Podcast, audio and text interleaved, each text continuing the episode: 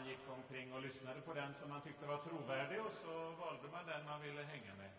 På Jesu tid fanns det kringvandrande predikanter, vi kanske skulle kalla dem för influencers, som på olika sätt försökte sticka ur massan och dra till sig folk och få så många likes som möjligt. Men Jesus gjorde precis tvärtom. Blev det folkrusning drog han sig undan. Kom folk för nära gick han upp på ett berg eller satte sig i en båt. Ändå var han påtagligt nära både barn, ensamma, smittsamt sjuka och utsatta. Och dessutom förbjuder han lärjungarna strängt att avslöja vem han var. Och först därefter, som du hörde, ensamma på berget, kallar han till sig de han har utvalt. Det är alltså rakt av tvärtom mot vad vi tror. Det är inte jag som har valt att vara kristen för att det är den bästa religionen eller en rörelse som ger inre harmoni eller har snygga byggnader eller fin musik. Det är inte jag som har valt. Det är Jesus som har valt mig. Och försöker vi fånga in Jesus i våra tankemönster och gudstjänstordningar och gudsbilder eller kyrkoordningar så drar han sig undan. Det blir vi som måste bryta upp. Det är vi som måste lämna det trygga, det invanda, eh, det slentrianmässiga. För han låter sig nämligen inte infångas. Han är rörlig och påtagligt nära de som ingen ser eller bryr sig om. Se nu tillbaka på ditt liv med Jesus. Var och när hörde du Jesu namn nämnas första gången? De allra flesta av oss kan ana mönstret också i våra liv. Det är inte jag som har valt, utan det är han som har valt mig. Och nu vill han låta mig följa med honom som en av hans utvalda. Vi ska sjunga en liten slinga som kommer tillbaka några gånger under gudstjänsten. Och det är i psalmboken nummer 584. Eh, om du vill ha noter till så kan du slå upp den där får nu få vara del av den extended sommarkören, den lite större sommarkören. Eh, kan man, eh, har du gått den musikaliska överkursen så kan du få en stämma där i högen och sjunga tillsammans med sommarkören som har övat de stämmorna som står där, helt enkelt. Försångare är Karin och vi sjunger den några gånger. Varsågod.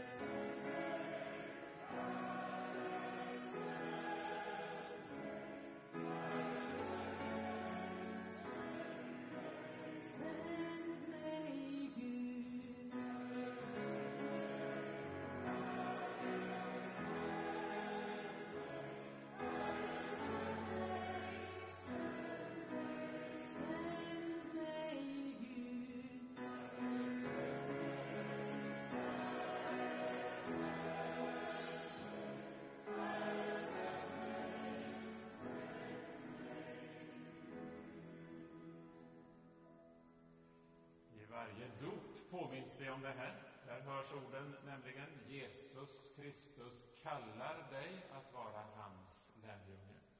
De orden riktades till dig när du döptes, oavsett om du hörde på då eller inte. Och nu hörs de igen. Jesus Kristus kallar dig att vara hans lärjunge. Han har utvalt dig, inte för att du eller jag skulle vara särskilt begåvade eller särskilt ens lämpliga, Eh, du hörde att några av de där första kallades för Boanerges, åskans söner. Det säger enligt bibelforskarna någonting om deras temperament. Eh, alltså var det inte alla som var så där fridfullt eh, överseende med alla mänskliga eh, egenheter, utan här var det en bred, brokig skara Jesus kallade till sig, för att han älskade dem. Och han har kallat dig för att du är älskad. Är du död, är du också kallad. Att vara lärjunge innebär att följa med när han drar sig undan, när han vill komma dig närmare. En döpt kan ju, eller en utvald, eller en kallad, kan ju alltid dra sig ur. Som du hörde sista namnet i raddan, Judas Iskariot. Han var ju en av de tolv som kunde dra sig ur, som kunde säga nej. Eh, att följa Jesus idag och svara på hans kallelse innebär att eh, prioritera annorlunda, att välja kärlek istället för hat, frid och fred istället för hämnd, tålamod och ödmjukhet istället för egoism och självhävdelse. Så om jag nyss bad dig se tillbaka på ditt liv, eh, när hörde du Jesu namn nämnas första gången? För att upptäcka kallelsen så skulle jag nu vilja be dig att titta framåt, kanske bara en vecka. Bara den närmsta veckan som ligger framför oss. Här kommer några människor som du antagligen kommer att möta, sammanhang som du kanske kommer att hamna i. Hur skulle livet bli där för dig om du kom som utsänd av Jesus själv? Vad skulle Jesus ha gjort där? Vad kallar han dig till i den veckan som ligger framför dig?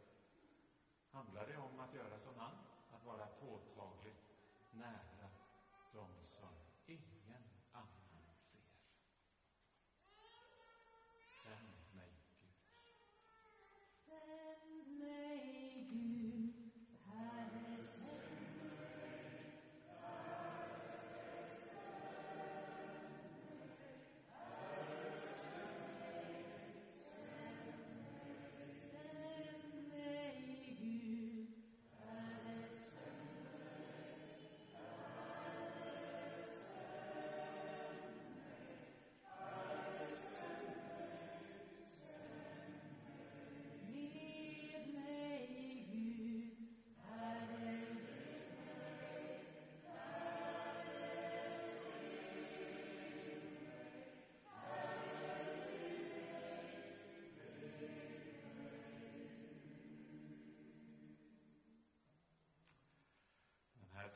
och temat för den här söndagen kan ju tyckas vara väldigt individualistiska. Sänd mig, led mig och så. Men Jesus kallar alltid till gemenskap. Han kallar var och en individuellt med namn, som du hörde i texten. Men han kallar alltid till gemenskap, till delande, till lärjungaskap. Och det här är vi verkligen inte så vana vid i Sverige i vår tid. Svårt präglat av turboindividualismens huvudfråga What's in it for me? Eh, jag hänger med så länge det ger mig någonting. Eh, annars så går jag vidare och försöker hitta någonting annat. Nu är det så med församlingen att den är, och kyrkan är inte en organisation utan en organism. Eh, I Nya Testamentet så liknas ofta församlingen vid en kropp där varje kroppsdel är nödvändig för kroppens funktion men där varje enskild kroppsdel behöver hänga samman med den övriga kroppen för att leva. Och tillämpat på temat idag innebär ju detta att en grupp som, som vi som samlas här i Fässbergs kyrka denna vackra söndagsförmiddag eh, kan sjunga Sänd mig, sänd mig Gud, som vi gjorde nu, och mena organismen, kroppen, församlingen, kyrkan. Vi här i rummet och ni som är med på skärmen är en del av ett enda stort kollektiv, en gemensam organism som finns både som världsvid kropp men också lokalt här i Fässberg. Vi kan sjunga Sänd mig och mena jag, det vill säga hela församlingen, hela kyrkan. Eh, ni som är lite språknördar vet ju att för, eh, kungen kunde förr i världen, jag tror att han kan det nu också, men han gör det inte så ofta, använda sig av en verbform som heter pluralis majestatis, alltså vi, kung Gustav. Så där. Det är ju en, eh, alltså, det är så högtidligt så att man nästan svimmar av. Men det är vi, kung Gustav, eh, av Guds nåd och så där. Men det här blir ju någon sorts omvänd pluralis majestatis, alltså jag, vi, jag, församlingen, jag som kropp, jag som en del av kroppen. Och därför är församlingsgemenskapen nödvändig. Kyrkkaffet. Gudstjänsten viktig. Eh, inte bara för att den skulle ge mig något, eh, what's in it for me, eh, att reflektera över den här dagen eller, eller liksom utifrån vad som händer och så, utan för att den bygger upp oss. Den bygger upp jag, den bygger upp församlingen, gemenskapen. Så att vi här kan säga att vi är ett enda stort jag som en enda stor person. Ett kollektivt jag. Och vi, detta kollektiva jag, ber att Gud ska sända oss ut till en värld som behöver mer kärlek, mer glädje, mer frid, fler människor som ser och lyssnar och bryr sig fler som praktiserar sitt lärjungaskap. Så när vi ber Sänd mig Gud, så är riktningen klar. Kyrkan finns för att världen ska leva, för att fler som lever utanför mänsklig gemenskap ska dras in i den. Så nu ska vi göra det här som ett litet experiment. Vi ska sjunga sången en gång till. Du ska få stå upp eh, när vi sjunger den. Och eh, när du nu har ställt dig upp, det är ingen som hör vad jag säger, så att ni verkar inte säga varsågod och stå upp.